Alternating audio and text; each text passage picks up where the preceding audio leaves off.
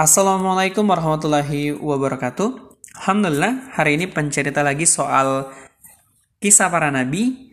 Kali ini pencerita soal Nabi Musa alaihissalam ketika dihanyutkan oleh ibunya ke sebuah sungai. Bayi Musa alaihissalam tidak tenggelam, padahal bayi Musa alaihissalam berada di titik paling lemahnya. Sedangkan Fir'aun dan bala tentaranya itu tenggelam, padahal mereka sedang di puncak kekuatannya.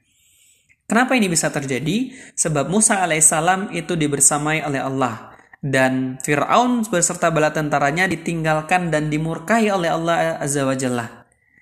Teman-teman sekalian, hikmah yang bisa kita ambil adalah marilah kita sebagai makhluk yang lemah untuk senantiasa mendekatkan diri kepada Allah Azza wa Jalla agar Allah senantiasa menolong dan membersamai kita.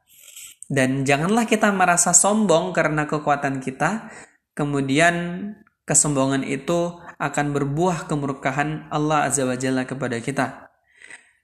Dari kisah inilah pelajaran yang bisa kita ambil bahwa kita juga kalau dalam kondisi yang kuat itu tidak boleh meremehkan mereka yang lemah. Bisa jadi yang lemah itulah yang dibersamai oleh Allah, sedangkan yang kuat itulah yang ditinggalkan oleh Allah.